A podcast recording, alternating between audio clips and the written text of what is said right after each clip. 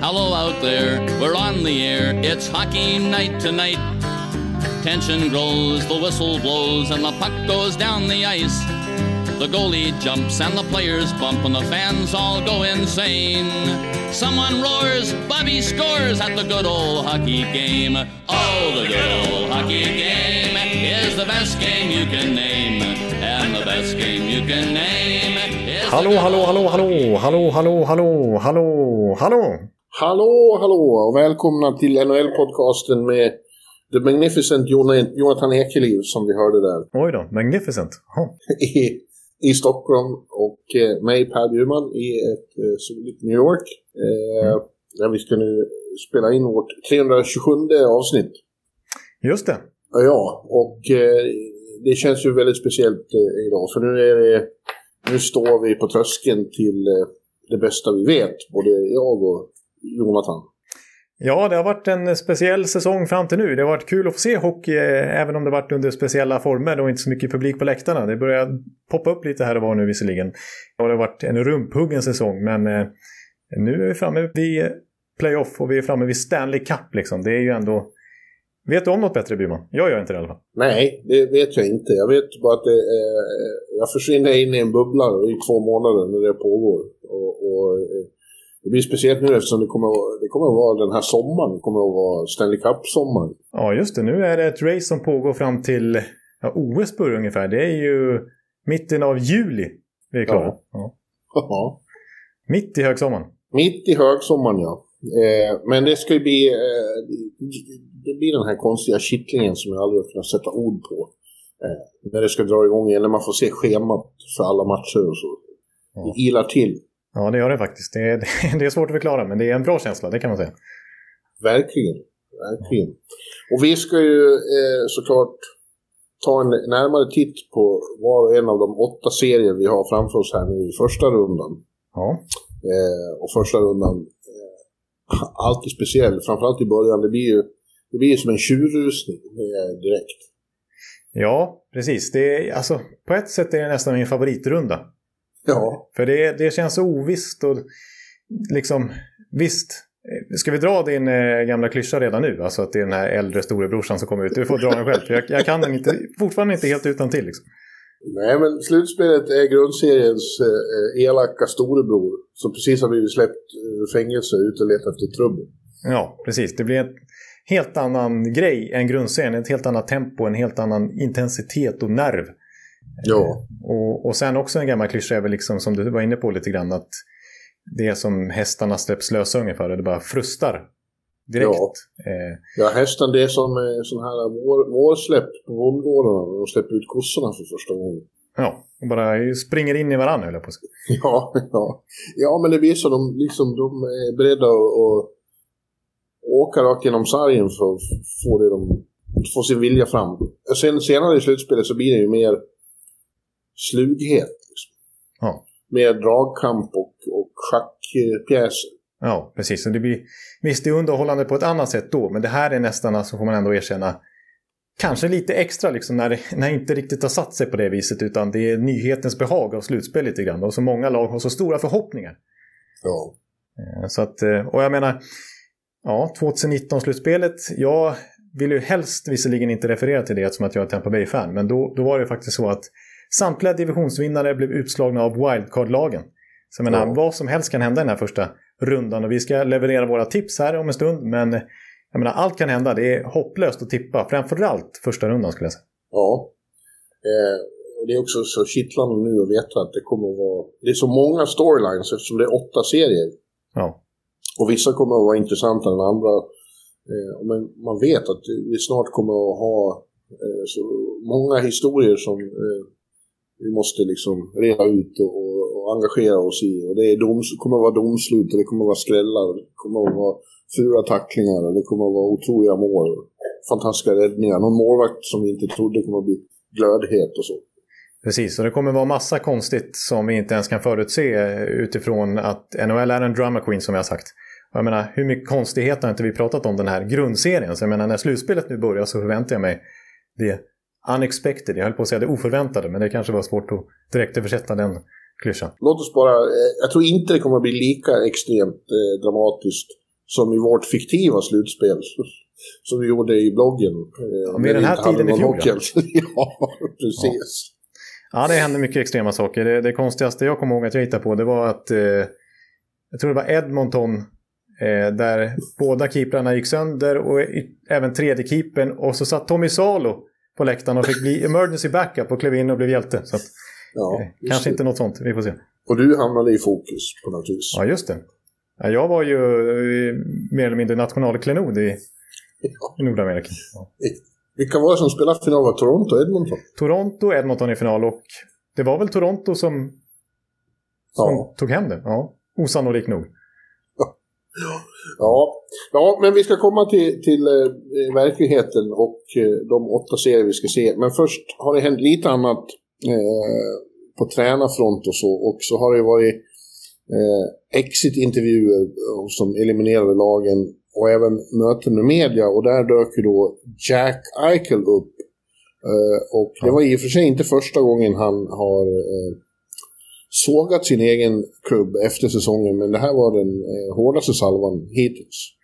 Ja, precis. Alltså, som du är inne på, det har hänt lite grann sen senast vi pratade. Och skulle det varit ett vanligt lunkavsnitt skulle vi tyckt att det här var ett galet avsnitt och massor med trådar att ta i. Men det här får vi väl ändå göra lite mer kortfattat eftersom att vi ska ägna en stor portion av tiden åt, åt liksom preview. Men eh, absolut, alltså Eichel, han, eh, ja, han släpper ju några bomber där. Alltså det, det, är ingen vanlig intervju utan han säger att han är upprörd över saker har skötts. Med sin skada då framförallt. Att det är en spricka säger han ju mellan han och klubben i hur, hur den har behandlats eller inte behandlats. Mm. Och eh, det rör sig om någon slags diskbrock i nacken vad jag förstår. Eh, där... Ja, han, han vill få den opererad på en gång och klubben vill inte det. Och de bestämmer igen. Ja, precis. Alltså Eichel vill ju ha då en sån här ganska ny typ av operation, vad jag förstår i alla fall, där han vill ja, sätta in en diskprotes helt enkelt. En artificiell, liksom ett diskimplantat. Eh, och eh, för att, ja, eh, det finns några exempel i sportvärlden, några MMA-fighters vad jag förstår som har haft lyckade sådana här operationer och kommit tillbaka ganska snabbt, liksom, att det ger ett gott resultat. Men ingen annan NHL-spelare har någonsin gjort en liknande operation. Så det är det som gör att Buffalo får kalla fötter och inte vill utsätta Eichel för det här. Medan han själv då eh, eh, ja, har liksom sett och hört att, att det kan ge gott resultat och ganska snabb rehabiliteringstid. Vad jag förstår typ tre månader kan man vara tillbaka efter operationen. Mm. Eh, och han vill ju köra på det här då. Men, och tagit in en second opinion till, eh, som han har bekostat själv vad jag förstår också för att ja, få ytterligare mer liksom, bevis som talar för hans fördel så att säga. Men vad jag förstår så är hans second opinion där inte så övertygade de heller. Men han tycker då att han ska bestämma över sin egen kropp. Medan Buffalo faktiskt regelmässigt har rätt att kliva in här och stoppa en sån här operation. Ja, ja han är deras egendom. De betalar ju, vad är det, 10 miljoner dollar per säsong till honom. Eh, så att de har ju faktiskt eh, makten här. Och, men eh, uppenbarligen är Eichel inte nöjd med det här och han är inte nöjd med någonting som försiggår i princip i Buffalo och hur det har sett ut på isen och så vidare den här säsongen. Och över tid. Han har fortfarande inte spelat en enda slutspelsmatch i karriären. Nej, det är otroligt. Så att de här trade-ryktena som har varit kring honom en längre tid och framförallt den här säsongen, de har ju nått nästan sin kulmen nu skulle jag vilja säga. För att, ja, nu, nu finns det ju väldigt lite som talar att eh, Jack Eichel spelar i Buffalo nästa säsong. Ja, fast de styr ju faktiskt det också i rätt hög utsträckning. Eh, ja. Han eh, kan begära en trade, men de måste inte lyssna på det. Visserligen, visserligen inte, men jag tänker när, när situationen är som den är och han... Ja, det gör han väl inte riktigt. Och han har ju faktiskt inte officiellt begärt en trade heller. Jo. Han har ju bara uttryckt sig på det här viset. Eh, men det som är intressant och pikant detalj att lägga, lägga in här, det är ju att nästa år, då börjar hans klausul, hans no movement-klausul att gälla. Så då kan ju han mer styra en trade. Visst, han kan fortfarande inte begära... Alltså, det är fortfarande Buffalo som har makten. Men om de vill trada honom till ett lag han inte vill gå till, då kan han plötsligt säga nej. Det kan han inte göra nu. Eh, så på det viset, om man ändå ser att trade är enda lösningen här, eh, så har ju Buffalo mer makt nu än vad de har framöver. Ja, ja det är inget eh, marriage made in heaven precis. Eichel och Buffalo Sabres. Nej, verkligen inte. Eh, och jag vill lägga till här också att på de här exit-intervjuerna så blev det ju allt fokus hamnade på Eichel. Men andra lagkamrater där, tongivande spelare, eh, sa inte heller så positiva saker om framtiden. Alltså Sam Reinhardt fick frågor om sin framtid. Han blir faktiskt UFA nästa år, kan han bli. Han, lät inte, han sa inget uttalat heller, men ungefär att det lät inte som att han committade till Buffalo direkt i alla fall. Och, och Rasmus Ristolainen på en direkt fråga hur han skulle känna för att bli tradad så sa han I'll be fine with that. Liksom. Ja. Så att, eh, ja, det verkar lite... Ja, det är som, som det brukar vara i Buffalo. Det är rörigt. ja, det är några klubbar som det aldrig... Det är några shitshows till klubbar här. Och de är ju den kanske värsta. Men Ottawa är i hård konkurrens. Även om det ser lite roligare ut där nu. Ja, Buffalo har faktiskt lyckats gå förbi Ottawa. Om man säger. Ja. Frågan är också då vem som blir tränare i Buffalo. De är ett av lagen som inte har bestämt sig för. Jag, inte bara jag, de flesta tycker att Don Granato kom in och gjorde ett väldigt bra jobb. Ja, När eh, Kryckan fick sparken. just det. Eh, men de har inte riktigt bestämt sig för det än. Eh, Nej, vad jag hör så ska de inleda en så här formell process och börja intervjua olika tränare. Och då är förstås Granato fortfarande ett alternativ, men att de ska genomföra intervjuer med olika, ja, olika tränare helt enkelt och, och kanske hitta en annan ja. första val. Liksom. Mm. Mm. Men jag tycker Granato. Ja, det måste jag säga att jag tycker också. Han, han gav dels ett sympatiskt intryck, men han, han, även eh, hockeymässigt så var det liksom han... När han kom in så började det äntligen fungera för till exempel Rasmus Dahlin och andra unga spelare. Precis, och, och visst det finns väl bättre tränarnamn på marknaden, mer etablerade än Bruce Boudreau, än Gerard Gallant till exempel. Men eh, är de å sin sida intresserade av att komma till Buffalo när det finns så många andra Nej. alternativ? Nej, det har jag svårt. Vem, vem liksom etablerad som har flera alternativ att välja på vill till Buffalo? Det tror jag, det tror jag är väldigt få. Nej, precis. Så jag tror att deras bästa alternativ kommer i slutändan vara Granato och att det är lika bra att Ja. fortsätta med honom. Ja. Och dessutom så de etablerade namnen har ju fler alternativ att välja på nu då. För att eh, sen sist så har vi, har det rensats ut lite tränare här och där. Ja, Eh, Tortorella, det- jag vet, det var väl inte med sparken, var väl han som inte ville ha... Nej, de skildes åt helt enkelt. Kontraktet var slut och han ville inte förnya och de ville väl inte heller förnya. Nej, precis. Alltså, och jag tror Tortorella nästan hade bestämt sig för det här tidigare. Ja. För att Columbus ville ju förlänga med honom inför den här säsongen. Men då ville Tortorella avvakta. Så det känns som att det är mer från hans sida. Men utifrån det sett, som det har sett ut den här säsongen när liksom Columbus har märkt att Tortorella har zonat ut lite grann. Jo, kanske. Ja. Eh, Vi har i alla fall haft den känslan i alla fall lite grann att det här förhållandet skulle ta slut. Liksom. Ja, luften har gått ur allting där. Ja. Ja, Jag är lite orolig för Columbus vill jag säga samtidigt för att eh, nu kommer det uppgifter om att eh, vad ska hända med Seth Jones framtid också. Han har bara ett år kvar på kontraktet. Sen är han UFA och kan göra vad han vill med sin karriär. Och, eh, Ja, på- han sa ju det själv, att han måste tänka långt och länge på vad, vad, vad han vill göra med sin karriär. Precis, det är ju inget eh, lovande svar för en Columbus-supporter eller för Jarmo Kekkeläinen. Nej. Det är ju deras, och då har jag förstått att Kekkeläinen i alla fall, han är beredd att gräva fram så mycket pengar de kan där i Ohio och kasta dem på Seth Jones och göra han till lagkapten nu när Foligno är borta. Och verkligen göra han till franchise-spelare. Men eh, ja, Seth Jones, är man UFA i sin prime och kan välja att spela i ett annat lag än Columbus, då förstår jag att man vill tänka lite på det. Ja. Verkligen. När man sett dessutom alla andra eh, av stjärnkaliber som har aktivt sökt sig därifrån. Ja. Och bli ensam kvar som stjärna kan inte vara något kul då. Nej, nej precis. Men ja, vi, nu råkar vi hamna i, lite kring Columbus och det är, ja, alltså Kekkeläinen uttalar sig faktiskt positivt om Lines framtid i klubben i alla fall. Att han är typ en grundpelare och att de ska satsa på honom och att eh, nej, ingen trade är- är på gång här utan vi tradar till oss honom för att han ska bli en viktig kugge här. Och nu är ju Tortorella borta i alla fall. Så att Ja. eh, de kanske fortsätter och hoppas att han får en bättre relation med den nya tränaren som kommer in. Vilken typ av tränare nu det blir. Förmodligen en my- mycket mjukare och modern karaktär än Tortorella. Det blir ofta så när man byter tränare så byter man hel filosofi. Ja. Det skulle vara lite kul att se en offensiv coach i Columbus. Alltså för de, de känns ju som ett grått och trist lag bara för att de är Columbus liksom och de har haft Tortorella som tränare. Men det finns en line där, det är ju en otroligt explosiv, Ja. eh, speciell spelare liksom. Och, och, och Dome är ju åt det hållet och de har Rensko Jones på backsidan och de har ja, men Bjorkstrand och Tessier och... Och Hästpolo Gustav som mi- missar hela säsongen, men, men han kommer ju tillbaks. Ja, Han har inte gått i pension än, lille Gustav. nej, nej, nej. Han är sugen på att studsa tillbaka nästa säsong när han är frisk igen. Ja, även om eh, jag har hört rykten att det finns gamla lagkamrater från Detroit som har skickat sådana grattis till retirement. Alltså, Så. okej. Jag har mina misstankar vem som kan ha gjort det bland annat. Börjar på Z. Ja. Ja, det, det, kanske det. Ja. Men eh, jag vet inte om du såg, apropå Line, jag vet inte om du såg hans intervju med Sanomat. Där han tackade nej till VM och sa att han är så trött på, han avskyr hockey så mycket just nu efter den här säsongen att han inte, han blir illamående av att tänka på att spela en enda match till. Ja, det, det, det låter ju väldigt eh, anmärkningsvärt. Det borde jag ha sett, men det har jag missat faktiskt. Det var Ja. ju spektakulärt. Det låter som Line måste jag säga. Ja, Ja. allt som kunde gå åt helvete den här säsongen gick åt helvete. Han hatade varje sekund på slutet och eh, nej, han kan inte tänka på hockey just nu. Så absolut inget VM.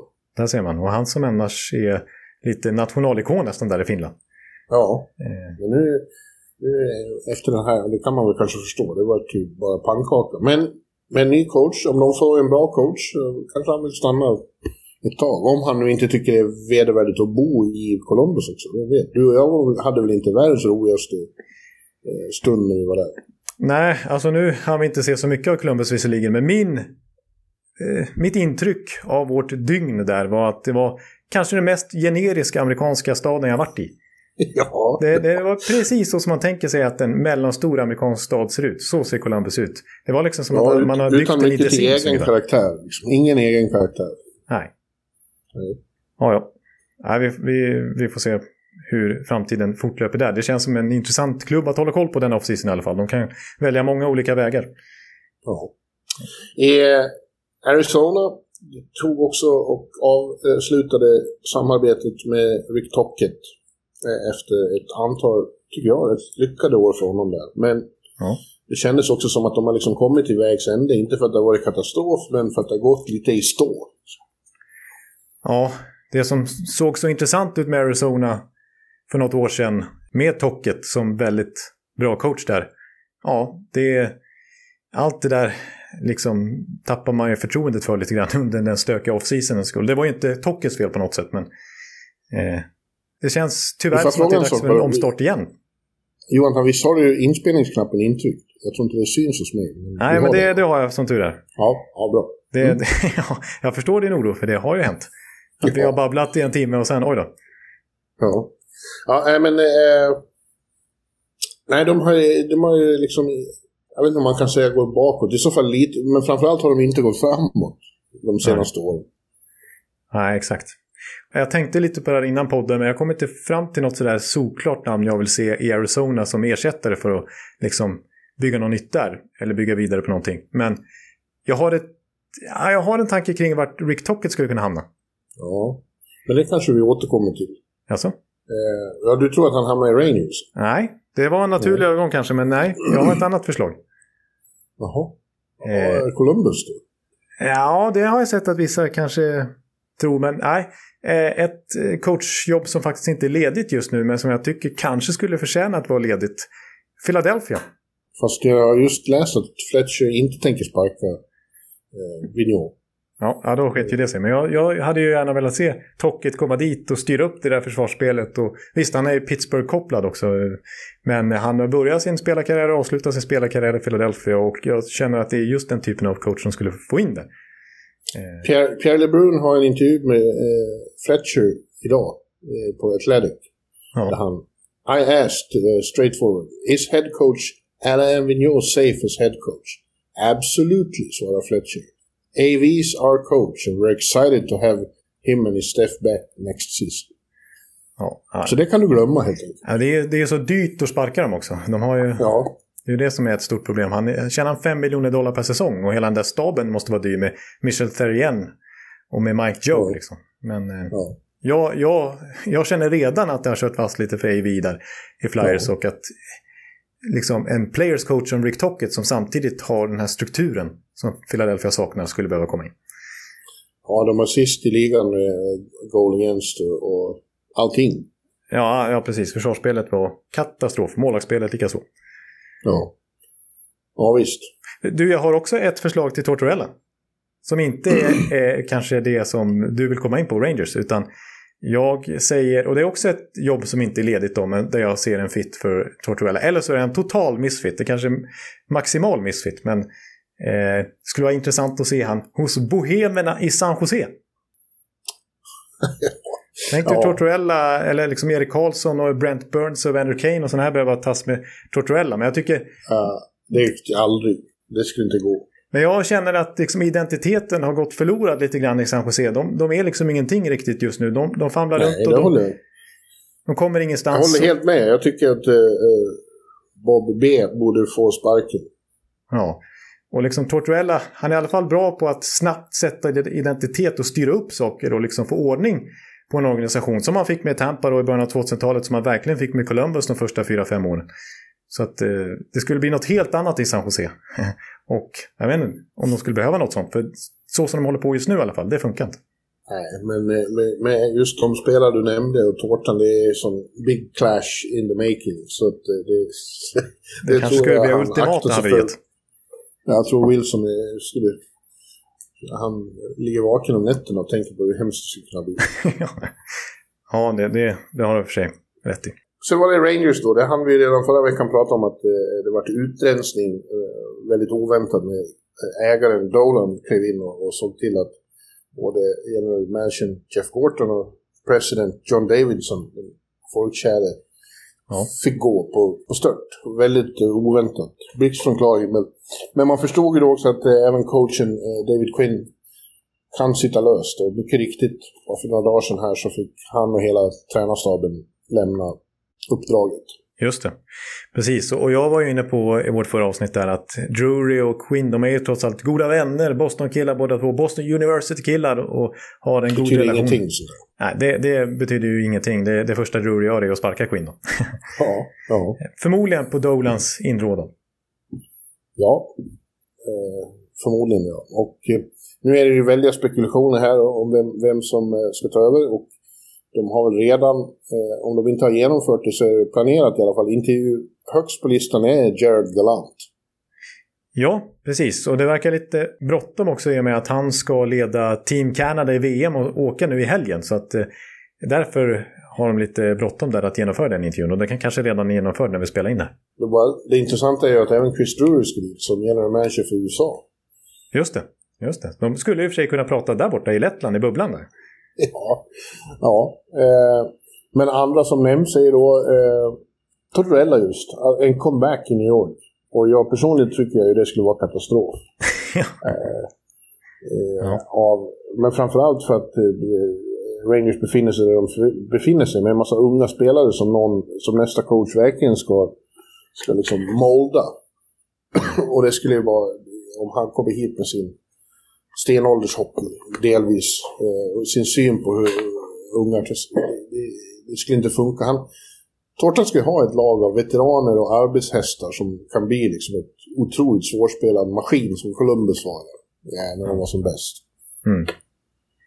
Ja, jag, jag håller med dig faktiskt. Jag har sett att vissa är positiva till en Tortorella comeback och i så fall skulle det faktiskt vara hans tredje vända i Rangers. Han ja. var ju där väl i slutet på 90-talet en kort sväng också. Han var assisterande så fick han ta över beslutet som headcoach. Precis, så att det skulle vara tredje gången gilt nu för han att komma till Manhattan och, och vinna en kupp. Men... Ja, och ty tydligen är det så att Dolan har en... Eh, eh, han är förtjust i tårtan. Han gillade vad som, hur, det var här med, med Torch var coach. Ja, precis. Och det ligger ju i linje också med spekulationen om att Dolan vill ha ett hårdare och jobbigare lag ja. Att, ja. att möta. Liksom. Och, och, då är ju Tortorella nära till hands. Men jag känner att det är alldeles... Att, att liksom pendeln svänger för mycket då. Liksom. Då svänger den över åt det hållet istället. Det, det ska ju vara en balans i det. Då blir det som när det var när han var här senast. Det blir otroligt mycket tension och obehag runt laget. ja. Jag tycker att Galant är ett galant alternativ. Ja. Ehm, ett ja, annat namn som har nämnts är ju obehagligt nog också Babcock. Nej, det, det, tar vi inte ens upp. Nej, men Dolan eh, struntar ju i, i eh, vad, liksom, vad opinionen tycker. Ja. Vill han ha Babcock, då blir det Babcock. Ja. Men för att återkomma till Galanta som jag skulle argumentera för och som jag hoppas eh, liksom rättmätigt är nummer ett, trots allt. Alltså han, han satte ju ett jättebra försvarsspel i Vegas första säsongen. De var ju oerhört svårspelade i slutspelet där och kloggade igen mittzonen helt. Men samtidigt ganska potenta offensivt och en, ett roligt mm. lag att titta på. Så att han har ju den kombinationen mellan struktur men också flärd och framförallt en gruppdynamik. Det är ju inte tension på det viset utan det är många spelare som verkligen har gillat att spela för Gerard Galant. Och han sydde ihop den där Misfits-gruppen i Vegas på ett fantastiskt sätt direkt. Så att jag ja. tror att Galant skulle passa jättebra i nuvarande skick som Rangers befinner sig i. Boudreau är såklart också ett namn som nämns och eh, i Sverige har det ju spekulerats mycket om, om han Växjö-coachen, vad heter han? Sam... Sam Hallam. Ja. Ja, ja det var ju... Det, men det har jag bara sett i Sverige. Det är ingen här i media i New York som har nämnt det ens. Så jag vet inte var det kommer ifrån. Nej, det var ju en gammal NHL-spelare där som, eh, Sanier heter han väl, som, eh, som eh, mycket löst på Twitter skrev, det första jag såg i alla fall, att I've heard from a friend in New York that Sam Hallam might be interviewed. Men det känns som att han kanske har dragit kopplingen då av att Jack Drury spelade i Växjö, som ju är vars farbror då är Chris Drury och, och på något sätt försökt. Alltså de, är, de befinner sig i ett läge där de inte... Eh, Quinn var ju lite chansning, han var ju college coach. Ja. Så att eh, nu, nu pratas det om vad de vill ha in är rutin och erfarenhet eh, helt och hållet. Och det skulle ju vara en, eh, ett experiment att ta in en europeisk coach. Det, det, jag tror inte det är aktuellt. Möjligen som assisterande, jag vet inte, men, men aldrig som headcoach. Nej, Precis, alltså det är ju eh, så långt utanför boxen så att det inte känns realistiskt alls utifrån hur vi har lärt oss att NHL fungerar. För visst, det skulle ju verkligen vara kul att se första svenska coachen i NHL, men det skulle ju vara en jättebomb om det blev just Sam Hallam. Som däremot inte förtar någonting av hans kompetens. Han har ju varit fantastiskt bra i Växjö över tid. Tre ja, SM-guldtitlar här på eh, sex år och, och verkligen, eh, alltså där snackar vi ju försvarsstruktur han har satt i Växjö och, och gruppdynamik och han har en pondus och en trygg aura liksom. Så att, men det, att liksom coacha i vida arena i Växjö jämfört med på Madison Square Garden i Manhattan, liksom, det, mm.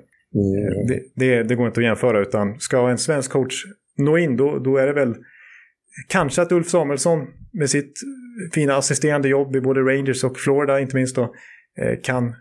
Han har ju liksom varit småaktuell tid i alla fall kan nå hela vägen fram. Leka Grönborg har faktiskt varit intervjuad av Rangers en gång i tiden här. Eh, men han måste kanske nöja sig med att vara assisterande någonstans innan han får chansen eh, som headcoach när han kommer ja. direkt från Europa. Liksom, så att... Ulf Samuelsson är ett annat namn som faktiskt har nämnts här och där. Ja.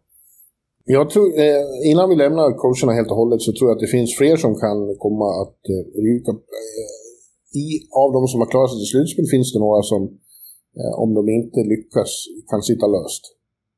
Ja. Eh, jag tänker till exempel på eh, Sullivan i Pittsburgh. De åker igen tidigt som de har gjort två år i rad nu. Då är, är det osäkert med honom. Och lika med, kanske ännu mer med Maurice i Winnipeg. Ja, just det. Precis. Som faktiskt, det kommer vi komma in på när vi snackar den serien, men de är ju formsvagast i hela NHL. Snacka om, snacka om att backa sig in i Stanley Cupen. Ja, ja. Ja, verkligen. Så att eh, vi får se. Och även, eh, nu tror jag de funderar en del i San Jose och Calgary och så vidare. Eh. Ja. Både du och jag har ju redan proklamerat att vi tycker att Daryl Sutter ska ja, riva ner sitt treårskontrakt direkt och sätta sig på traktorn igen för att det där blev ju inte lyckat. Nej, och, och Blashill vet vi fortfarande inte riktigt vad, hur Iceman tänker göra i Detroit. Nej. För, förvånad att det inte har hänt något än. Nej, faktiskt. Det har ju vi tagit för givet att han ska försvinna nu när kontraktet är slut. Men ja, vi får se. Vi får se. Ja, men hör du. Åtta eller 16 lag är de nu som st står eh, uppradade på slagfältet. Ja. Om två månader är bara en av dem kvar. Oj, oj, oj, oj. Ja. 15 lag ska bort. Men först ska eh, åtta lag bort eh, i den här första rundan som vi ser fram emot så mycket. Och eh, nu tar vi och tittar på serie för serie. Och vi tar dem i den ordning som eh, känns... Eh, ja, det bara blir så. Jag, jag har använt den i mitt stora tips i, i, som kommer i tidningen här, eller på sajten. Just det. Eh, stora genomgång lag för lag. Och börja med East. Ja, ja vi kör så. Mm. Ja. Och där vi har ettan mot fyran är Washington Capitals mot Boston Bruins. Just det. Nej. Nej, det, har är ju Pittsburgh det. som, som gick och Ja. vann divisionen till slut ja. Förlåt, vi börjar där. Ja. Pittsburgh Penguins mot New York Islanders. Det här vart inget bra. ja det, blev, det blev fiasko direkt där. Ja, ja. Ettan i East, Pittsburgh Penguins mot fyran, New York Islanders. Just det. Och eh, ja, jag tycker lite synd om Pittsburgh som har gjort en sån eh, överraskande bra säsong, grundserie eh, i mina ögon. Jag trodde att det var dags nu att, åka Chicago-resa. Ja. Eh, men de vinner divisionen. Och sen, men, så får de ändå möta då Islanders igen som de så sent som 2019 blev svepta av. Och Islanders har inte blivit sämre på slutspelshockey sedan dess. Tror jag man kan slå fast. Nej, de var ju faktiskt i konferensfinal i fjol ju. Och eh, har väl Ja. den självbilden nu att de ska gå långt i slutspelet. De ser sig själva som contender. De var verkligen buyers vid deadline. Och eh, de eh, är inte nöjda med att åka ut i första rundan. Här inte. De, de ska förbi Pittsburgh. Ja. Ja, det ska de. De, de går ju för att vinna. De är, är definitivt, det är väl alla i någon mån som är i slutspel, men, men Islanders har haft det som målsättning hela tiden med Barry Trotz här. att Nu, nu är det dags för första titeln sen, sen 84. va? Nej, så 83 83. eller? Ja, 80, 81, 82, 83. just det. Mm. Ja. Eh, och ja, som du säger, Barry Trotz har ju varit framgångsrik här. En, en tid mot Pittsburgh, dels där 2019-serien, hans första Islanders så började de att svepa Pittsburgh där. Och eh, ja, året dessförinnan när han var i eh, Caps så eh, slog de ju ut Pence och stoppade Pittsburghs tripit-försök där eh, på vägen fram Ja. till Washington Stanley Cup-titel. Så att eh, ja, Barry Trotz har lärt sig hur man ska spela mot Pittsburgh. Ja, han har överhuvudtaget eh, en väldigt bra koll på hur man ska spela slutspelshockey. Du, nu, du sa det för, någon, för några avsnitt sedan att det är några lag som liksom är som gjorda för slutspelshockey. Och Mm. de är definitivt ett av dem som är eh, exceptionellt bra på det här med eh, ta bort tid och utrymme för motståndarna. Ja. Ja, men eh, däremot ska jag lägga till nu, och det har ju, då är det ju faktiskt grundserien jag refererar till och det är något annat än slutspelet. Det tycker både du och jag. Men just den här säsongen så har faktiskt Pittsburgh vunnit sex av de åtta mötena med Islanders. Och eh, Ja. ja, jag håller med dig i det här med att eh, Pittsburgh verkligen har överträffat mina förväntningar också. Jag hade dem också utanför slutspel på femte plats då. Jag trodde att Philadelphia skulle gå till slutspel på deras bekostnad. Ja. Men nej, de var ju faktiskt det lag som har gjort näst flest mål också. Colorado gick förbi här sista natten och, och, och gjorde flest mål i grundserien. Men, men Pittsburgh var alltså tvåa. Och eh, ja, dels så har ju många av de gamla kärnspelarna gjort väldigt fina säsonger. Crosby då, eh, lite i skymundan, 62 poäng och en fantastisk säsong. Mycket i Malkins frånvaro faktiskt ju. Eh, Chris Letang slutar trea i backarnas poängliga med 45 poäng. ja, han har gjort sin bästa säsong på decennium tror jag. Ja, det kan man nog faktiskt eh, påstå. Eh, och sen så är det många av de här eh, spelarna runt omkring som har blommat upp lite grann. Eh, alltså, jag tänker inte minst på en sån som Jared McCann till exempel. 32 Precis. poäng på 43 matcher är väldigt imponerande. Teddy Bluger, lättländaren, eller Blugers. Och eh, ja, men Jeff Carter som har kommit in här gjorde ju fyra mål i en match. Ja, precis. Han känns som... Eh, kan komma och framstå som en av de bästa traderna av dem alla. Ja, i alla fall har han gett goda indikationer på det här i grundseriespurten. Och Mm. man får säga att de gjorde rätt val att satsa på Tristan Jarry istället för Matt Murray när deras båda kontrakt gick ut förra säsongen. Men det är fortfarande ett litet eh, frågetecken tycker jag kring målvaktssituationen. Nu, skulle jag, känns Valamov och Sorokin som ett bättre par än Cherry och DeSmith. Ja, det håller jag med om att eh, skulle jag få välja något av de målvaktsparen då skulle jag definitivt välja Islanders. För att Valamov är ju med i racet om att vinna Vesina Trophy den här säsongen. Så bra har han faktiskt varit. Ja. Ja, ja så jag tror eh, Islanders kommer inte att svepa eh, Penguins den här säsongen. Det har jag svårt att se. Även om, ja, sånt kan också hända. Man, vad som helst kan hända i de här serierna. Men jag tror att eh, eh, det blir en upset här direkt. och Att eh, Islanders slår ut ettan med 4-2. 4-2.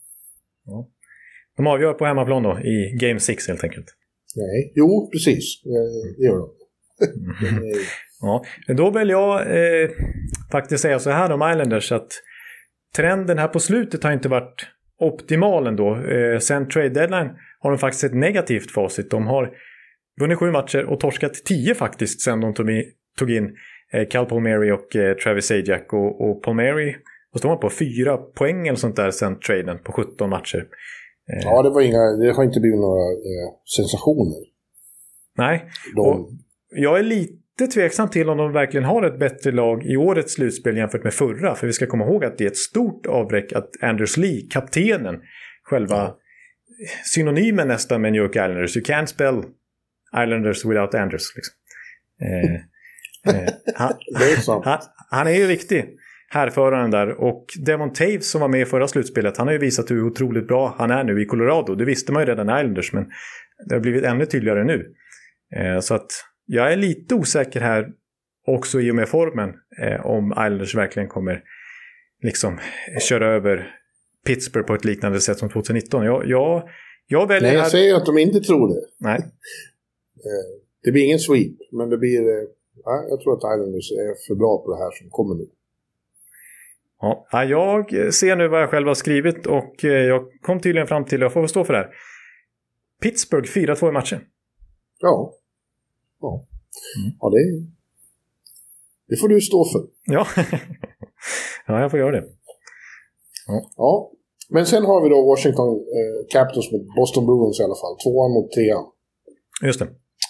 Eh, som ju är eh, kittlande på många sätt. Inte minst på så vis att Sten Chara får gå upp mot Boston i slutspel direkt. Just det, alltså den som längst varande kaptenen ju innan helt plötsligt då lämnade Boston inför den här säsongen, vilket ju kändes ju osannolikt eh, att han i så fall skulle byta klubb och inte lägga av. Och så hamnar han i Washington och så möts de redan i första rundan här. Det är ju en story. Ja. Eh, den känns väldigt svår att, att, att tippa den serien. Men eh, vad vi kan slå fast är att det lär bli eh, tuffa tag. Hårt och jämnt och, och fysiskt. Det, Washington har ju med åren blivit ett ganska storvuxet och eh, ganska elakt lag. Ja, precis. Alltså deras snitt dras ju upp lite grann av att de har Zdeno Chara som är tre meter och väger 300 kilo höll jag på att säga. Men eh, det är ju inte bara han. Det är ju Ovechkin är ju en tung pjäs i sig och Anthony Manta som kom in är ju 106 kilo eller vad han ligger på. Och, ja Tom Wilson, Tom har vi inte ens nämnt. eh, medan Boston, det är ju Bostons identitet att vara eh, Big Bad Bruins. Ja. Eh, så att eh, det, det, det, kan bli riktigt eh, brutalt tror jag, mellan de här två. Ja, precis. Så apropå det, du har en lista som ska publiceras nu i helgen eh, på eh, Bad Boys i NHL. Och vi ska väl inte avslöja rangordningen där, men ni kan ju lista ut att både Tom Wilson och en viss Brad Marchand är med på den här listan. Ja. Så att, eh, ja, de är ganska högt upp båda två. ja, det kan vi väl säga också. Eh, men när vi ändå pratar Brad Marchand och hamnade här lite i Boston-lägret så vill jag verkligen berömma hans säsong som jag tycker har varit lite i skymundan. Hur bra han har varit. Han gör sin poängsnittmässigt sett bästa säsong i karriären här vid 33 års ålder. Och räknar vi bort de här två, ja framförallt en övermänsklig människa uppe i Edmonton och även den andra tysken där är inte så dålig han heller. Ja, då kan man säga att Brad Marchand vann NHLs poängliga för han slutade trea. Ja, ja 69 poäng, 29 plus 40. Eh, mycket vasst. Mm. Eh, men vad, vad, tror du? Alltså Washington har ju varit väldigt stabila den här säsongen. De har, de har liksom befunnit sig på en hög nivå eh, utan att det har stuckit ut så jättemycket. Men de har inte haft några liksom, svackor eller perioder när, har, när man har känt tvivel. Och då har de ändå haft rätt mycket skador. Men som Beckis påpekade när jag pratade med dem så det fått bevisat att vi har väldigt bra bredd. Att det kan komma in andra killar och steppa upp och, göra det som ska göras. Ja, jag är ganska imponerad faktiskt just på grund av den anledningen. Eh, att Washington har hållit ihop det så pass bra. Nu på slutet har de ju haft ganska mycket skador faktiskt. Ovechkin har inte spelat på en månad i princip. Ja, några veckor. Ja, några veckor. En månad då, och det, det är ju väldigt ovanligt att han är skadad överhuvudtaget. Ja. Ja, liksom, ja men så här, de har ju haft majoriteten av säsongen när de har haft Vitek Vanesek i kassen. Och jag menar, hade man sagt det inför säsongen hade det sett väldigt svajigt. Ja. Eh, men det är, nej, jag, på det viset är jag faktiskt väldigt imponerad av Washington. Men jag ska ändå säga att jag lutar lite mer åt Boston i den här serien. Eh, jag är väldigt imponerad av dem sen trade deadline då, inte minst på grund av Taylor Hall. Eh, ju, som har kommit in och blivit den här secondary scoring punchen som de hoppades på. Liksom, deras underliggande siffror sen dess har verkligen ja, skjutit i höjden nästan. Det, det, ser väldigt bra ut och de har... Ja, det de har faktiskt tagit näst flest poäng sen dess också i hela NHL, efter Vegas. Eh, så att det, det är ett väldigt formstarkt Boston som kommer in i det här slutspelet. Ja, jag tycker det känns eh, återigen som det här kan sluta precis hur som helst. Eh, men jag, jag tror ändå lite på... Jag tror Washington är lite underskattade i år. Jag tror de är bättre än vad, än vad de har fått cred för. Och säger att det blir 4-2 även här. Till, eh, till Washington. Där ser man. Ja, så här är det ju faktiskt att... Eh, jag såg, hade jag lite dålig koll på faktiskt, men att, att Washington är ett boogie-team för Boston. Ja, precis. De har, haft, eh, de har slagit ut Boston förr. Ja, men alltså sen 2014, äh, mellan 2014 och 2020 ett spann på 19 matcher där. Oj, nu är det... Vänta. Nu är det Hedman. Nej, det är mamma. Jag måste bara alltså. svara dig. Ja. ja, hallå? Du, jag sitter och spelar in podcast. Kan jag ringa upp dig sen? Ja, allt är bra. Ja, jag ringer upp om ett tag. Hej, hej. Hej. Ja. Trevligt. Man måste svara när mamma ringer. Ja, det. ja, det är faktiskt viktigare än, eh, nästan än när Henke och Becky som här ringer. Minst ja, lika viktigt i alla fall. Ja, det är väl klart. Ja, eh, ja fortsätt om Bogey Team. Ja, nej, men ett spann då på 19 matcher mellan 2014 och 2020 där Boston alltså torskade 17 av 19 matcher mot Washington. Mm. Det är ju anmärkningsvärt. Eh, men den här säsongen har det varit så jämnt som man kanske tror att det ska vara eh, liksom, styrkemässigt mellan de här lagen. 4-4 på de åtta matcherna. Ja, det är, väl, det är väl kanske så att det kommer att bli sju matcher här egentligen. Eh, ja. Men jag säger 4-2 ändå. Ja, ja. och jag kommer fram till detsamma fast i eh, Bostons favör då faktiskt. Jag säger 4-2 matcher till Boston. Ja, de har ju också, jag, men jag jag skriver här, jag, jag, de, bristerna har väl inte märkts så jättetydligt under grundserien på att de förlorar så många bra backar. Mm. Eh, men eh, jag tror ändå Washingtons många offensiva vapen blir lite för mycket för den här backuppställningen i Boston. Däremot har de bättre målvakter tror jag. Eller åtminstone mer prövade i slutspelet i Toka och Halak. Ja, det blir väl Swayman snarare som kommer faktiskt backa upp där. Han har ju gått förbi Halak ja. i hackordningen. Ja. Och han är ju sanslösa siffror på sina tio matcher så att han kommer nog vara backup till Rask som ju haft en lite sådär stökig säsong men nu ändå kommer tillbaka i hyfsad form inför slutspelet i alla fall. Ja, och Vanecek är ju helt oprövad i slutspel och det, eh, det kan visa sig i och för sig. Ja, Samsonov är ju också oprövad, men, men eh, eh vi får se om han ens hinner bli spelklar här i första tiden. För ja. att han är fortfarande, precis som Kuznetsov, på, eh, ja, för andra gången den här säsongen på covid-protokollet. Det har ju varit så i tio dagar. Så att, eh, de, det, det, är också något som tycker är lite skakigt för Washington. Att, att de har haft så mycket... Ja, det var lite styr på slutet där. Och, ja. och, eh, Lavi är uppenbart inte särskilt förtjust i Kuznetsov. Och, mm. Ja, det, det, är möjligt att det kan spela in. Men nej, jag tror att de är bättre än vad du tror. Ja, ja men det är kul att vi tycker helt olika här. Ja, nu har vi två olika tips. Och det kommer fortsätta likadant i nästa serie vi tittar på. För nu kommer vi till Central då. Just det. Där det börjar med Carolina Hurricanes mot Nashville Predators. Eh, Carolina vann den hårda Central-divisionen och Predators tog sig in i sista stund. Eh, ja. Och eh, har ju haft väldiga problem med Carolina tidigare under säsongen, men här på slutet då de möttes ju i två genrep inför den här serien också. Då vann Nashville båda. Det tror jag inte betyder egentligen så mycket. Eh, eller det, låt säga så här, det var, det var bra för Nashville att de inte förlorade dem också. Ja, dels hade de inte kommit in i slutspelet, ja. men eh, också att eh, psykologiskt att de inte bara fått stryk mot dem. Nej, precis. För det var alltså sex raka segrar för Carolina innan detta. Men så, så får de ändå sätta dit eh, Carolina. Nu ska vi säga att båda lagen, framförallt ja, i sista matchen, inte den första för där gick ju Nashville all in liksom. Men, men i den andra matchen där så vilar ju båda lagen väldigt mycket spelare. Så den, då blir det ju 5-0 till Nashville, men den är ju svårt att, att dra några slutsatser av. Ja. Men, eh, eh ja, den, den... Eh, logiken säger att Carolina ska vinna det här. För att de ett, de är bättre, de, har, de är fruktansvärt jobbiga och svåra att spela mot. Också gjorda för slutspel. Mm. Eh, extremt bra på, på att stänga isen och, och kväva motståndarna med, med sin otroligt ettriga eh, forechecking. Ja. Där får man verkligen ingen tid att göra någonting mot Carolina. Nej. Men ändå har jag en, en liten känsla av att det kan bli skräll här. Kanske bara önsketänkande för att de kommer få ta in 12 000 nu i, i Bridgestone Arena. Eh, och det kommer att bli ett ohyggligt drag där. Och när det var, vad var det, 5-6 tusen när du var där, då tyckte du att det kändes som att det var fullsatt. Så när det är det dubbla, ja. jag menar då, då kanske det, ja, kan... jag vet inte vad det ska kännas som då. Ja, du kan ju tänka det.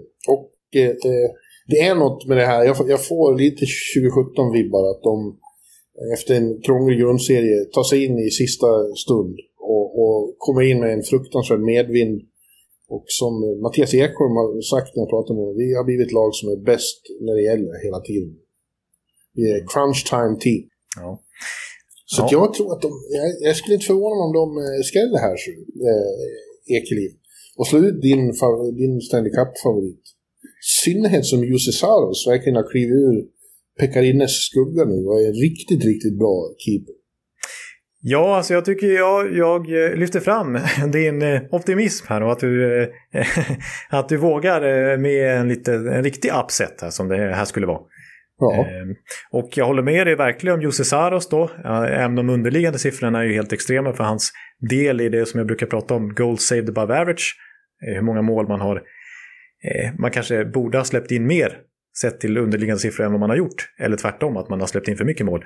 Den, den statistiken leder ju alltså Saros när grundserien är över här. Han borde ha släppt in 24 fler mål än vad han gjorde, vilket ju är mm.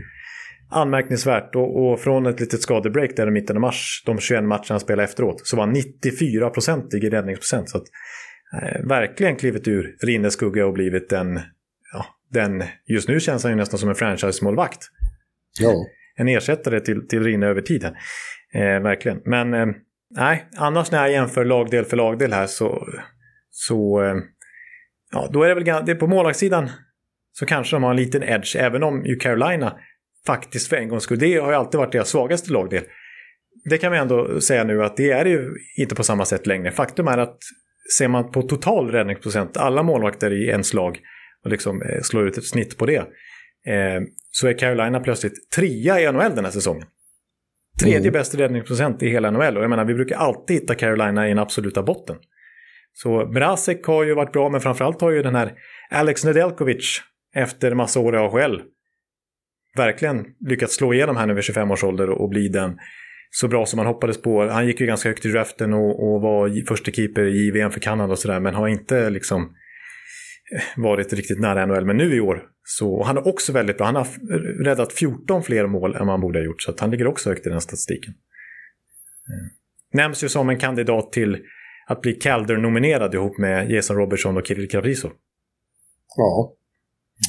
Mm. ja, men alltså, och, och, även på andra punkter så vet ju att Carolina eh, på pappret är starkare. Men ja. eh, och jag har inga, alltså det, blir det så att Carolina sveper Nashville, vilket ju kan hända, då får jag bara slå ut med armarna. Ja, jag chansar lite. ja. Ja. Nej, men för, för, det är det som, som är den stora grejen för mig. Det är just offensiven då. Eh, Nashville är det lag som kliver in i slutspelet med minst antal gjorda mål. Medan Carolina ligger ganska högt upp i den statistiken och eh, jag tycker de känns bättre än någonsin offensivt. Alltså med Aho, Terveinen och Svesjnikov ett år äldre. Sen har dessutom Vincent Trocik verkligen kommit in och, och etablerat sig nu i Carolina och bildar en one-two punch där. Och ja, men, eh, Nechas har ju utvecklats till en riktig klassspelare i år också. Och, och de har ännu fler ettriga spelare nu när de fått in en sån som Jesper Fast också. Så har de redan sedan tidigare Brock McKinnon, Jordan Martinuk och alla de här bålgetingarna. Warren Fogel och så vidare. Så att... ja, bålgetingar, det är vad de är. Ja. Eh, och liksom, Nashvilles USP har ju alltid varit backsidan med Josie, med Ellis, med Ekholm, med Dante Fabro och deras spännande påläggskall där. Men, men det är ju svårt att, att, konkurrera med Carolina där också, som ju i sin tur har Doggy Hamilton, som ju kom upp i tvåsiffrigt antal mål den här säsongen också. Han är ensam de senaste sju åren att varje säsong då har gjort minst tvåsiffrigt antal mål. Eh, och de har Pesci och de har Slavin och de har Brady Shea och så vidare. Så att, de är ju, det är svårt att hitta någon svaghet nu känner jag hos Carolina. Och jag säger 4-1 matcher till Keynes. Ja. Jag vill bara påpeka vad gäller eh, Nashvilles sammanlagda stats så dras det ner väldigt av att första halvan av grundserien var så bedrövlig. Ja. Eh, det, det påpekar Ekholm också eh, med viss emfas. Att, eh, vi var ett helt annat lag de där matcherna när vi bara förlorade mot Carolina. Vi är ett helt nytt lag nu. Det är sant. Från första april och framåt, eh, en och en halv månad ungefär, då har de bättre poängsnitt än Tampa till exempel. Ja. Nu ska jag springa och hämta kaffe. Så Ja, ja. kommer jag, eh, går det för sig? Du, du vet att det går fort. Ja, jo, jo, det, det, Eller, det eller räknar har jag med inte tillåtelse? Eh, mamma ringer och kaffe, gå och hämta kaffe. Det är oprofessionellt. Men nu blir Det är så mycket NHL-podden det kan bli, är det inte så? Ja, jag väntar lite. Ja. Ja, men då kan jag bara säga en annan sak. Eh, eh, slänga in lite statistik här när Bjure är borta, det är väl lika bra. eh, tror jag. Eh, att... Eh, eh, ja, nu har nu har han Bjure vi tillbaka. Det gick Ja. snabbt. Ja, för fan. Jag hann inte ens komma in på det jag skulle säga. Jag tänkte bara nämna ytterligare en faktor i den här matchserien. Eh, special teams. För där har det varit ganska stor skillnad, liksom jämbördes, mellan de här lagen under säsongen. Under de åtta matcher de spelade, då gjorde Carolina mål på 34% av sitt potenta powerplay. Medan i, i Nashvilles fall, de gjorde mål på 12%. Så att, Ja, det är eh, alarmerande förstås. ja. Och jag är fortfarande tveksam till John Hines, coachen i Nashville. Eh, Mm. eh, han har ju mycket att bevisa han. Och när vi ändå pratar coacher så måste jag få, eller måste, det här motvilligt slänga in då att min lilla teori där om att han ska hamna i Seattle, Rod Brindamore, efter den här säsongen och att Ron Francis ska plocka över honom. Eh, det verkar inte bli så. Han, verkar, han vill så gärna vara kvar i sitt Carolina så att han är beredd att ta ett riktigt liksom, skambud sett till vad han är värd marknadsvärdesmässigt här från Carolina. För nu pratas det om att han ja, när som helst kommer att acceptera ett treårsavtal-ish eh, om 1,8 miljoner dollar per säsong. Jag menar, jag skulle otroligt gärna få 1,8 miljoner dollar per säsong. Ja, Verkligen. Men alltså på fria marknaden skulle ju, jag menar toppcoacher i dagens NHL får 5-6 miljoner dollar per säsong. Mike Babcock fick ju faktiskt 8 miljoner i Toronto. Jag menar, skulle, skulle Brindamore vara, eh, vara liksom tillgänglig för typ Rangers, de skulle väl kunna ge han 6 miljoner. precis. Men- Men, han men- vill vara i Raleigh, North Carolina. Det är hemma. Ja, eh, sen har vi då eh, den serie som du kommer följa med allra störst eh, intresse och inte missa en sekund av. Nej. Det är då Florida Panthers och Tampa Bay Lightning i Stanley Cup-historiens första Florida-derby. Eh, Ja. Det känns ju jävligt spännande, det får man lov att göra. Ja, men eh, du vet ju hur jag fungerar. Alltså jag är ju egentligen oerhört taggad, men så blir jag också nervös och, och pessimistisk och, och rädd. Och tycker det är jätteläskigt att möta de här äh, pantrarna som klöser och har, har rivit upp sår här på slutet hos Tampa i alla fall. Ja, ja eh, Florida är ju en en feel good story av Guds nåde den här säsongen. Eh, har växlat upp enormt från hur det såg ut i fjol. Eh, Ja. Och varit en av de, eh, ja, eh, en väldig attraktion. De har varit bra, men de har också varit roliga och, kommer in i det här slutspelet med en jäkla eh, medvind också. Och, eh, det, det liksom strålar om dem. Ja, precis. De har ju knappt förlorat på slutet och de har ju tryckt till just Lightning då, som visserligen varit rätt skadeskjutet här eh, på slutet. Och, ja, på de senaste tre matcherna mot Tampa så har de vunnit alla tre med 14-4 totalt. Det har ju varit klasskillnad nästan. Ja, fast det har ju, de där sista matcherna var ju Tampa, som du säger. Dels har de skador, dels vilar de ur folk och så. Ja, precis. Så det är väldigt noga med att poängtera det faktiskt. Eh, Det är ju, eh, alltså, ja, alltså den line-upen som Tampa tränar med just nu här inför att slutspelet ska dra igång. Alltså det vattnas ju så mycket i munnen på mig så jag håller på. Ja, det, Ja, det stora är då att de får tillbaka Kucherov och eh, Stamkos med för den delen. Och när det gäller Kucherov då så är det, är, det är mycket grymtanden i resten av NHL nu om att de har circumventat eh, capen. Och det har de väl delvis, men de har inte gjort något olagligt så det är väl bara att glömma det. Det, det får ju NHL täppa till om, om de har problem. Ja, det är verkligen ett kryphål. Så skulle jag inte hålla på Tampa skulle jag verkligen ifrågasätta detta jag med. Det är, det är... Ja, anmärkningsvärt det var det. Ja. Ehm, men eh, sett till formmässigt så kan man ifrågasätta vilken form han är i också när han inte har spelat någonting sedan finalen i september. Eh, men, Nej, det är sant. Men samtidigt så är jag faktiskt lite mer orolig för några andra Tampa toppspelare än vad jag är för Kutjerov. För jag tror ändå att han kan komma in i det hyfsat bra. Han har tränat väldigt hårt nu sista tiden för att vara i form för slutspelet. Hans skada var ju en skada som han, han hade typ kunnat spela den här säsongen men det var bra för hans framtida karriär att göra den här operationen nu. Och nu är han kvitt det liksom, så nu är ju egentligen... Han kanske ja, till och med är i bättre ja. form än han var under slutspelet. Eh, rent liksom hur han mår totalt sett.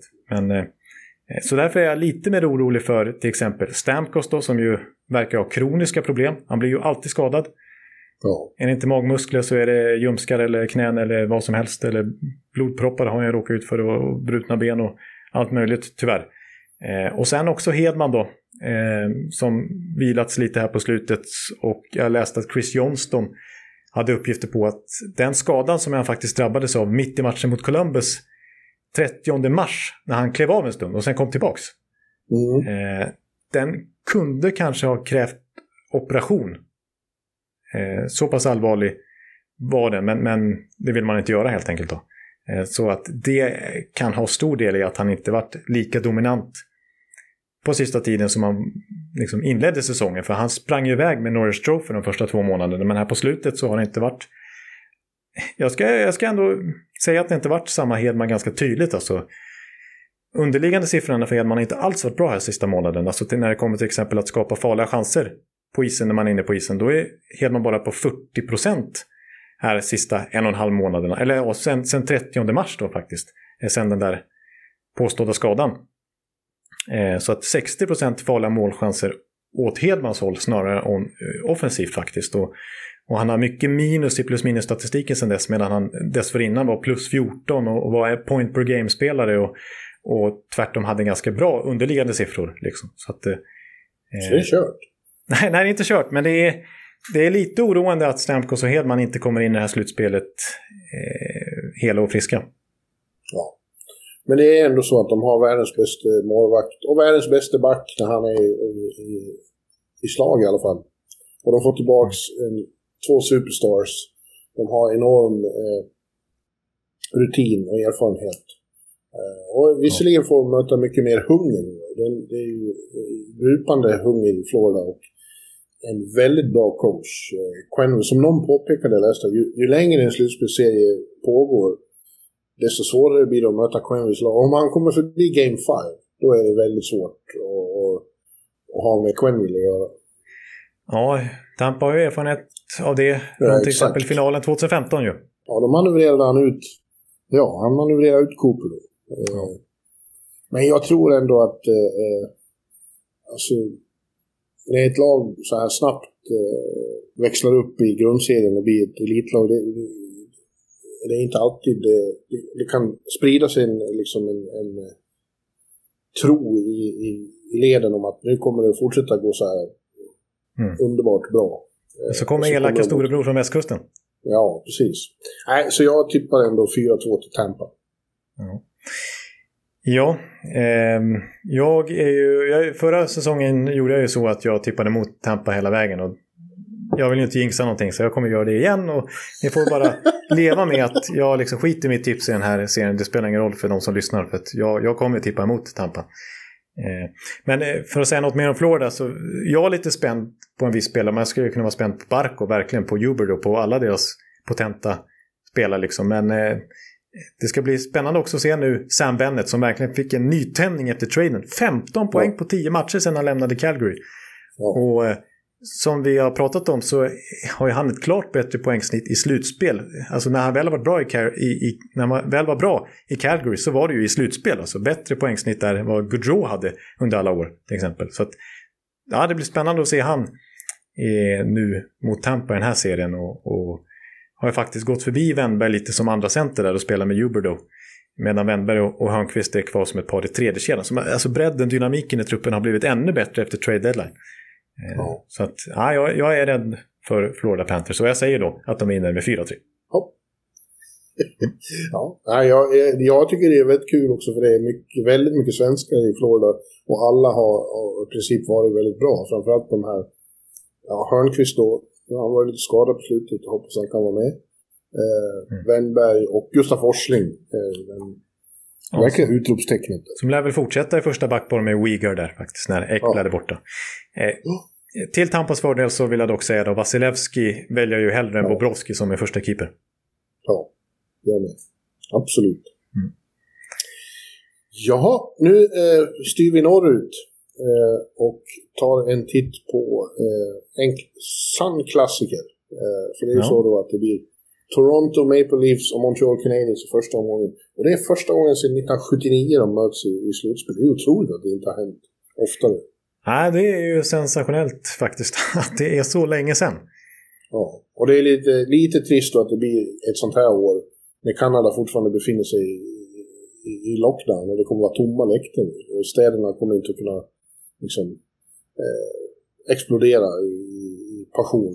Utan de får sitta hemma. Och, det är lite tråkigt alltså. Ja, alltså skulle varit, om vi säger att det varit normala tider och de här hade gjort upp nu i första rundan i slutspelet.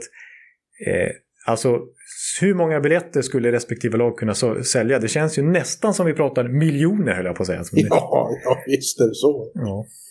Och kan du tänka dig, ja det, det, är ju redan så, men, men liksom eh, trycket i, amerikan eller i kanadensisk media uppe där ja. kring de här matcherna, vilken hysteri det skulle bli. Ja, alltså det kan nästan bli bråk på redaktionerna där. Ja, ja. Jag tänker på att det ändå finns lite sympatier underliggande. Ja, det gör det. Mer än vad de vill erkänna. Ja. ja, det är en cool serie, men eh, ja, under speciella förutsättningar. Ja, det är också speciellt på så vis att det ena laget eh, kommer in i, i har, har gjort eh, ja, gått som tåget hela säsongen och vinner divisionen överlägset eh, Toronto då. Medan Montreal ju också har backat in i slutspelet. Ja. De, de, hur uttryckte jag det här? De, de kommer ju in mer på andras tillkortakommanden än sin egen styrka. I alla fall här på sista månaden. Ja, de har ju sämre poängsnitt än många lag i andra divisioner som missade slutspel.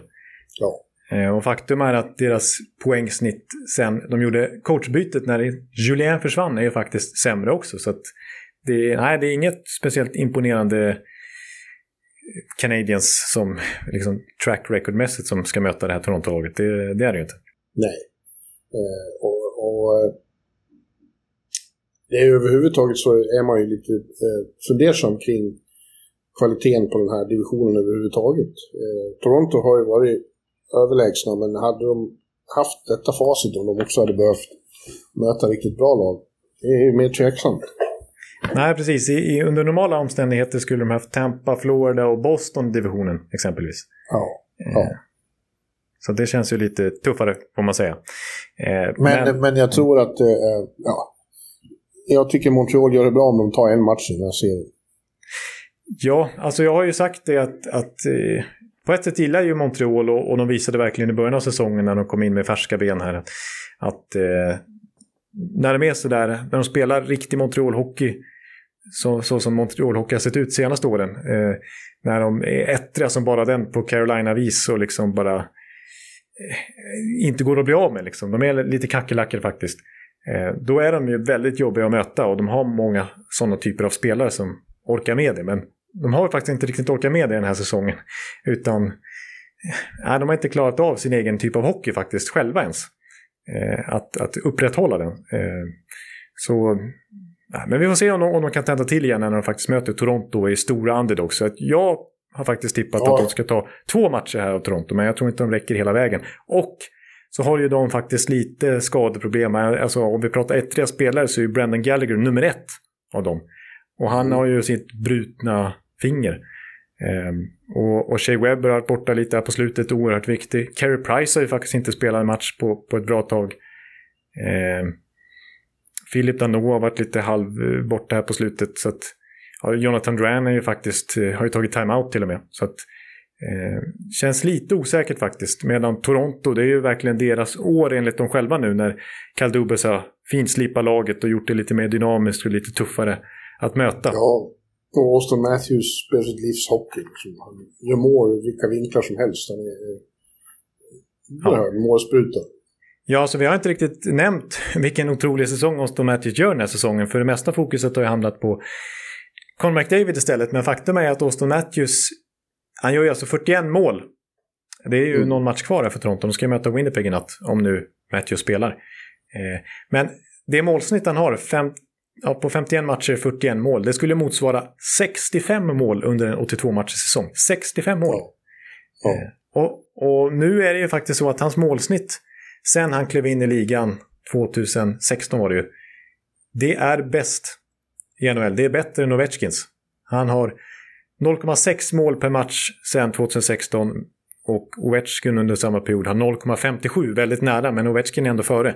Och de är ganska överlägsna faktiskt, för sen är det ett glapp ner till trean som är David Pasternak på 0,51. Eh, så att eh, Matthews är ju ligans bästa målskytt numera. Han är ja. till och med förbi Ovechkin.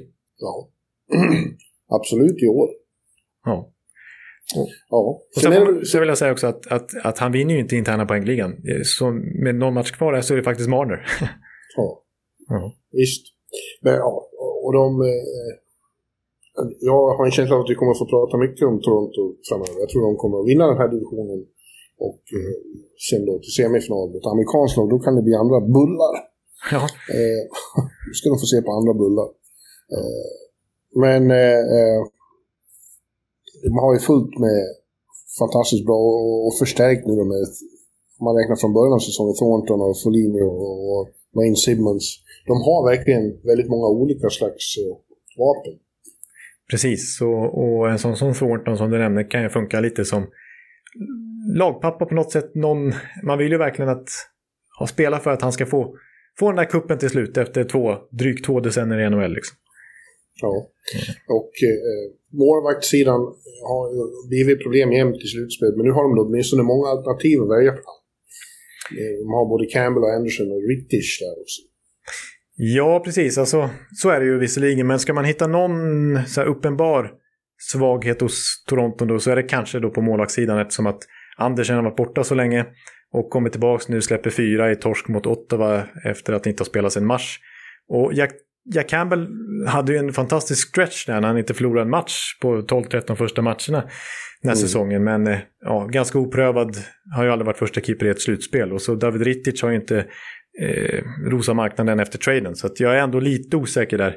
Jag tror det blir Campbell som blir första valet. Det kan bli Andersen också. Men eh, där är det väl den enda tveksamheten som finns eh, uppenbar om man tittar på lagbygget. Liksom.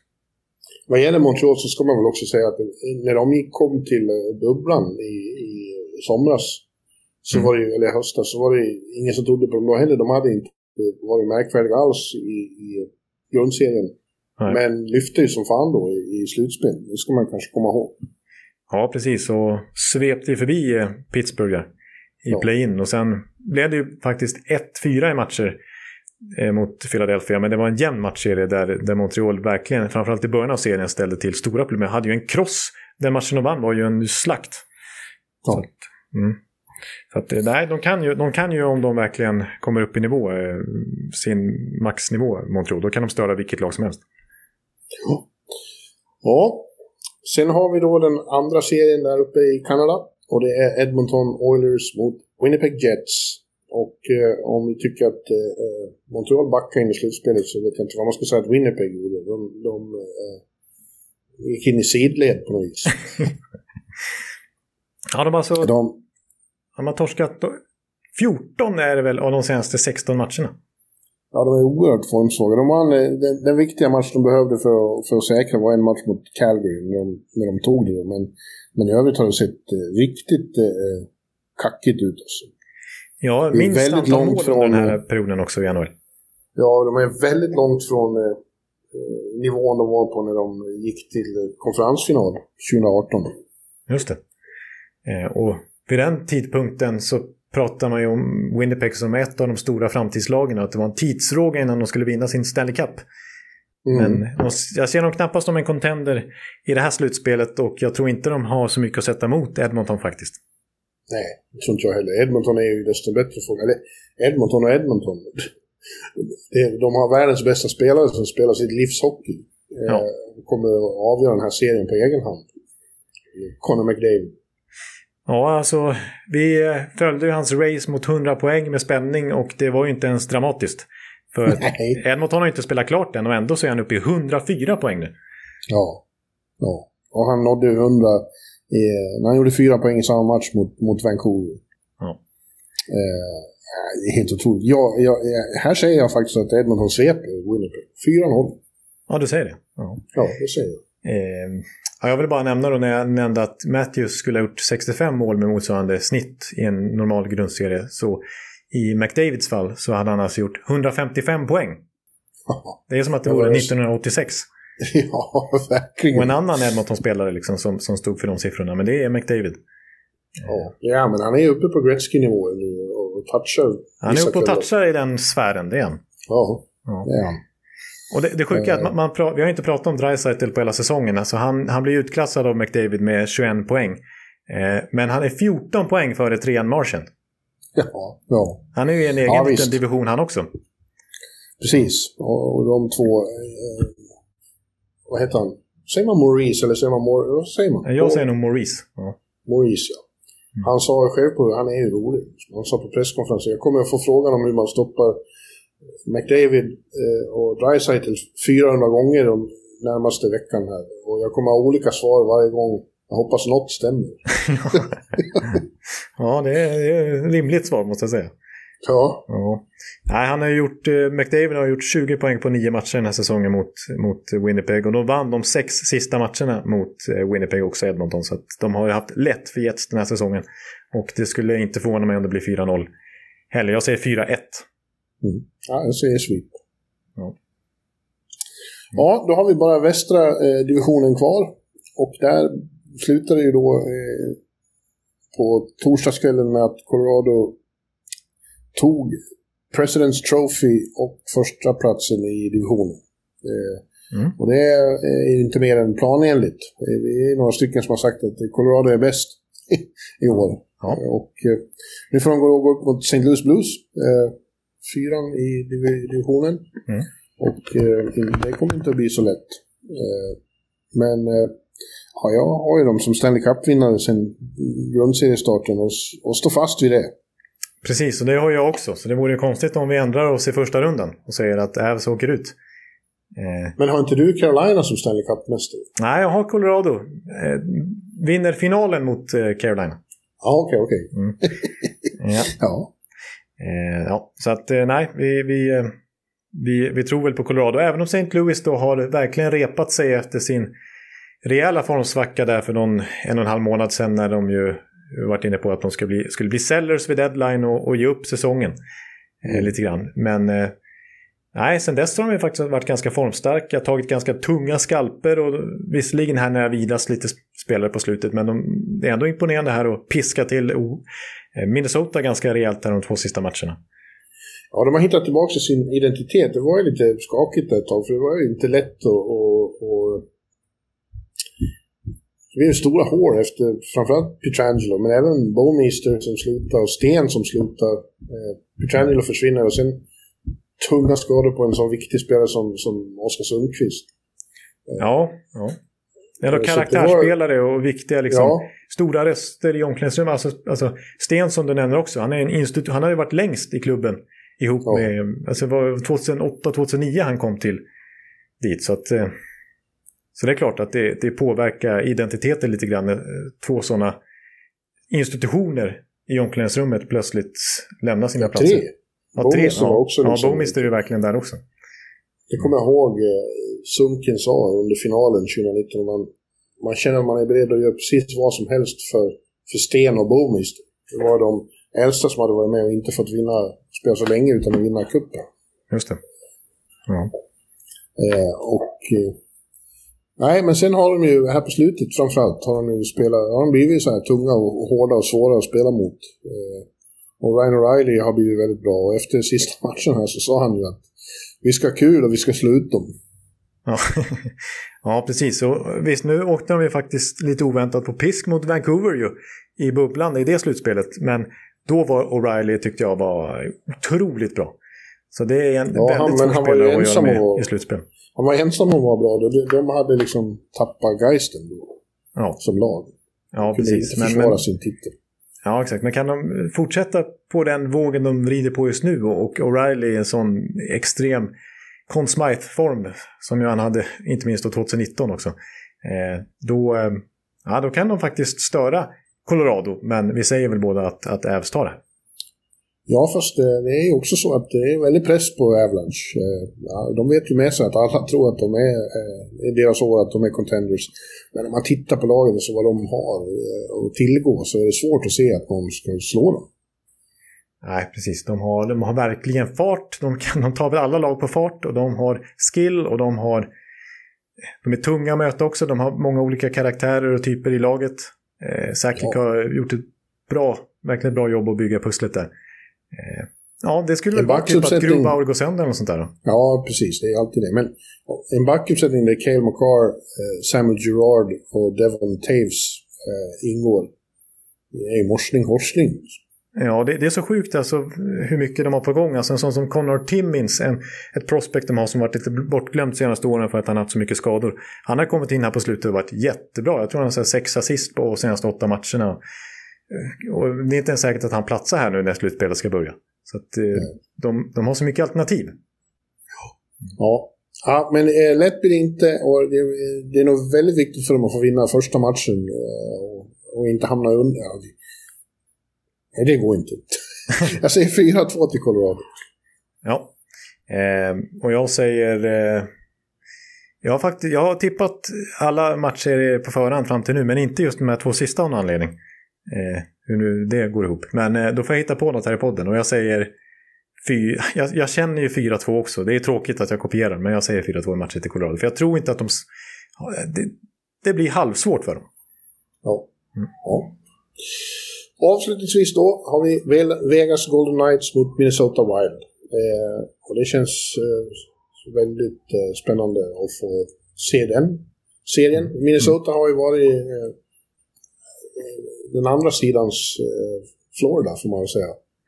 Ja, eh, jätteöverraskning sett till vad man trodde på förhand. Man, man var ju spänd på Kirill Kaprizov och, och sådär ja, inför säsongen. Men att det skulle leda så här långt och att de skulle bli en sån här attraktion som helhet. Eh, det såg man inte komma. Nej, framförallt inte att de har varit så, som, som du säger, attraktion. Eh, att de skulle vara bra hade man väl viss, ja, lite på känn. Men inte så här bra och framförallt inte så här underhållande. Nej. Nej, de, de, de är, nej det, det, är på riktigt ett bra lag det här Minnesota får jag ge dig till slut. För att jag har ju ofta hypat Minnesota och så har du tagit ner lite grann. Och den här säsongen har varit lite tvärtom. Att du faktiskt har blivit begeistrad av de här Moss-tröjorna som du har kallat dem förut. Skogsmullarna. Skogsmulle. Ja, men jag har sagt att det ändå har varit en ganska tydlig nivåskillnad upp till Vegas och Colorado. Men ja, jag, tyck, jag tycker fortfarande det, men att Minnesota ändå är närmare än vad jag har sagt tidigare. Eh, för dels är de så här underhållande och sprakande och explosiva från och till. Men också har de kvar eh, den här, eh, de är, de är väldigt täta defensivt, släpper in lite mål. Eh, jobbiga att möta, ganska gritty och liksom lite småfula också. Eh, så att, eh, mm. är ganska jobbiga att möta. Det är de. Samtidigt som de, är så, samtidigt som de har artister som eh, Caprice, Fiala och Zuccarello. Ja. Det är inte dåligt. Och, och fått väldigt bra kemi i alla kedjor. Joel Eriksson Ek har blivit ett offensivt hot samtidigt som han fortfarande är liksom arbetshästen som aldrig slutar jobba. Nej. Och det vill jag komma in på nu då, att de möter ju Vegas och ja, Lener skick, Robin Lehner skickade ut någon emoji som höll på att svära där när det blev klart att de skulle mötas. Om det var på grund av det är väl svårt att säga, men det kanske var. Eh, för att eh, här får vi också prata buggy team. Alltså Vegas har historiskt sett på sina få år i NHL inte alls... historiskt sett var kanske att ta i, men ja, de har haft allra svårast för Minnesota. Det är det lag som de har sämst facit mot av alla NHL-klubbar. Och eh, ja, det lyder ju då, vad är det, 11? Det visste jag inte. Nej, 11 segrar för Minnesota, 3 för Vegas och 2 övertidssegrar för Vegas. Eh, så 11-5 kan man väl säga då till Minnesota. Och eh, den här säsongen så är det 5-1-2 till Minnesota i internt record. Så att, eh, ganska tydlig övervikt för Wild. Mm. Ja. Men jag tror ändå att, att vi får se den episka divisionsfinalen mellan Colorado och Vegas. Ja. Den vill jag inte bli bestulen på, eh, Jonathan. Nej. Nej, för trots allt hur, hur roligt det än är att se detta Minnesota så känns ju, alltså jag, jag tycker att för mig är nästan vi, vi, både Vegas och Colorado de största contenders sanna. Trots att de spelar samma division så känns det nästan som att skulle kunna vara den moraliska finalen när de möts i eh, Ja, eventuellt nästa runda. Så ja, det bra känns som den lyckat som, med.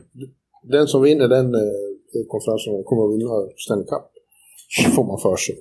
Mm. Mm. Eh, och Vegas, eh, ja, vi, vi, brukar, vi brukar ju påpeka att det ser lite på pappret tunt ut på centerpositionen, down the middle. Mm. Men eh, det har inte varit något problem. Det bara ser så ut. Nej, det har inte synts på isen i grundserien utan där har ju en sån som exempelvis Chandler Stevenson som ju du har pratat med William Karlsson om att eh, det, han är extremt underskattad, gjort det bra och funnit god kemi där med Mark, Mark Stone och eh, Max Pacioretty, en av NHLs bästa kedjor. Ja. Och eh, det var ju de faktiskt som, eh, vill jag minnas, i förra slutspelet när de åkte ut i andra rundan. Redan i andra rundan, dock, ska vi poängtera. Nej, vänta, vad var det nu? De slog ut... De, nej, i konferensfinal var det ju. De åkte Ja. ut mot Dallas. Ja. Eh, men då var det väl, var det inte så att Mark Stone och Shea Theodore...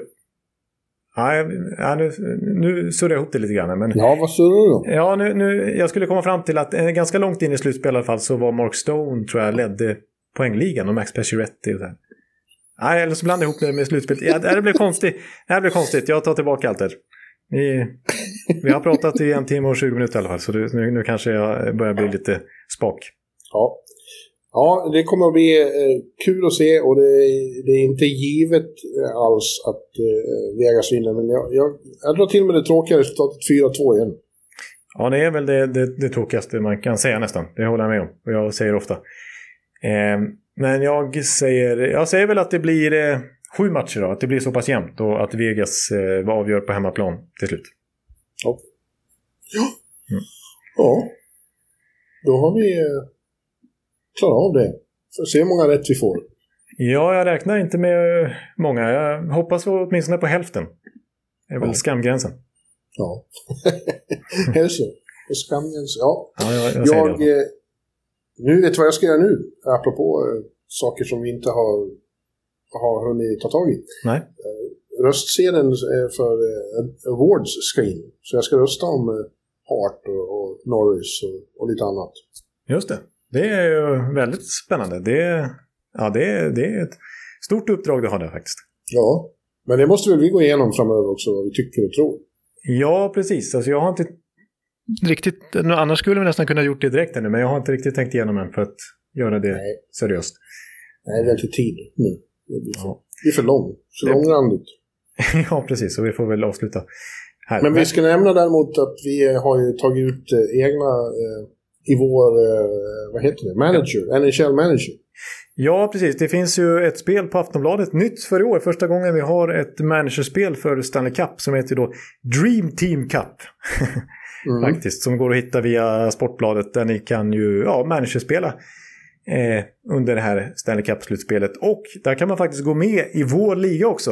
Eh, Ja, utmana oss två. Precis, man söker, när ni har skapat ett lag så söker ni upp ligan som heter Bjurman och Ekelivs liga. Och eh, vinnaren i den ligan får en iPad. Ja. Så det finns ett pris där också. Eh, inte bara äran. Får jag det om jag vinner också?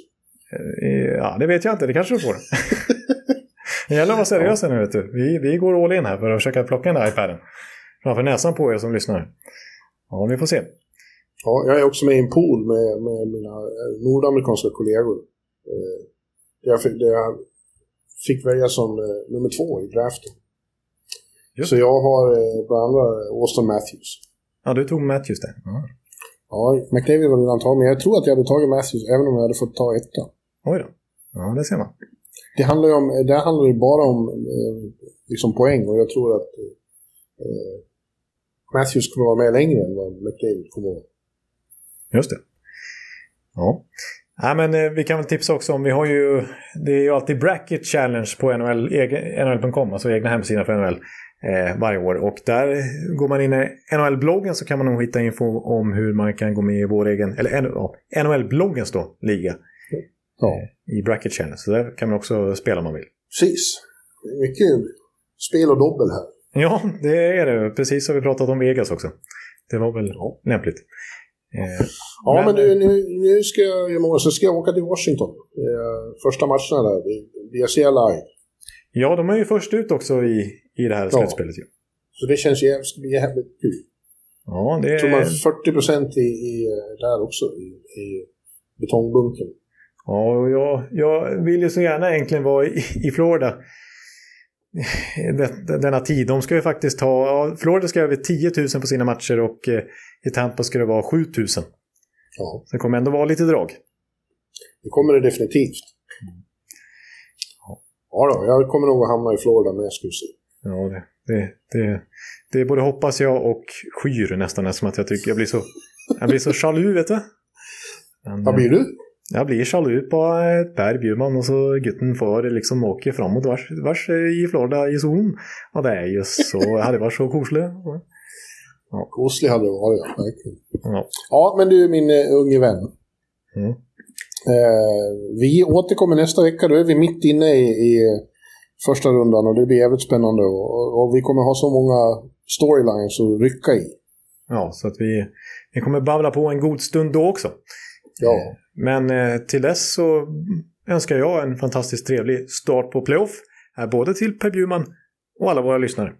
Ja, jag, jag kan bara eh, understryka eh, da capo. Trevligt. ja, vi säger så tills eh, vidare då. Hej då! Hej! Hallå, hallå, hallå! Hallå, hallå, hallå! Alex Chiazot, Joe Luis Arena och Esposito. Esposito. Uttalsproblem, men vi tjötar ändå. Och alla kan vara lugna, inspelningsknappen är på. Bjuder Hanna Kohl, han är grym i sin roll. Från Kållesoffan har han fullständig kontroll på det som händer och sker. Det blir ju allt fler som rattar Arenas blogg. Och lyssna på hans podd. One, two, three, speed, so Hallå, hallå, hallå. One, two, three, speed, so Hallå, hallå, hallå. Ekeliv, som är ung och har driv. Verkar stor och stark och känns allmänt massiv. Han hejar på Tampa och älskar Hedman. Sjunger som Sinatra. Ja, och det ser man. Nu är det dags för refräng. Dags för magi, Victor Norén. Du är ett geni. Så stand up at home and remove your hats. Höj volym, för nu är det plats. One, two, three, speed, so Hallå, hallå, hallå. One, two, three, speed, so Hallå, hallå, hallå. One, two, three, speed, so Hallå, hallå, hallå. One, two, three, speed, so Hallå, hallå, hallå. Det är otroligt länge sedan båda samtidigt var så här bra. Hallå, hallå, hallå. Det är otroligt länge sedan båda samtidigt var så här bra.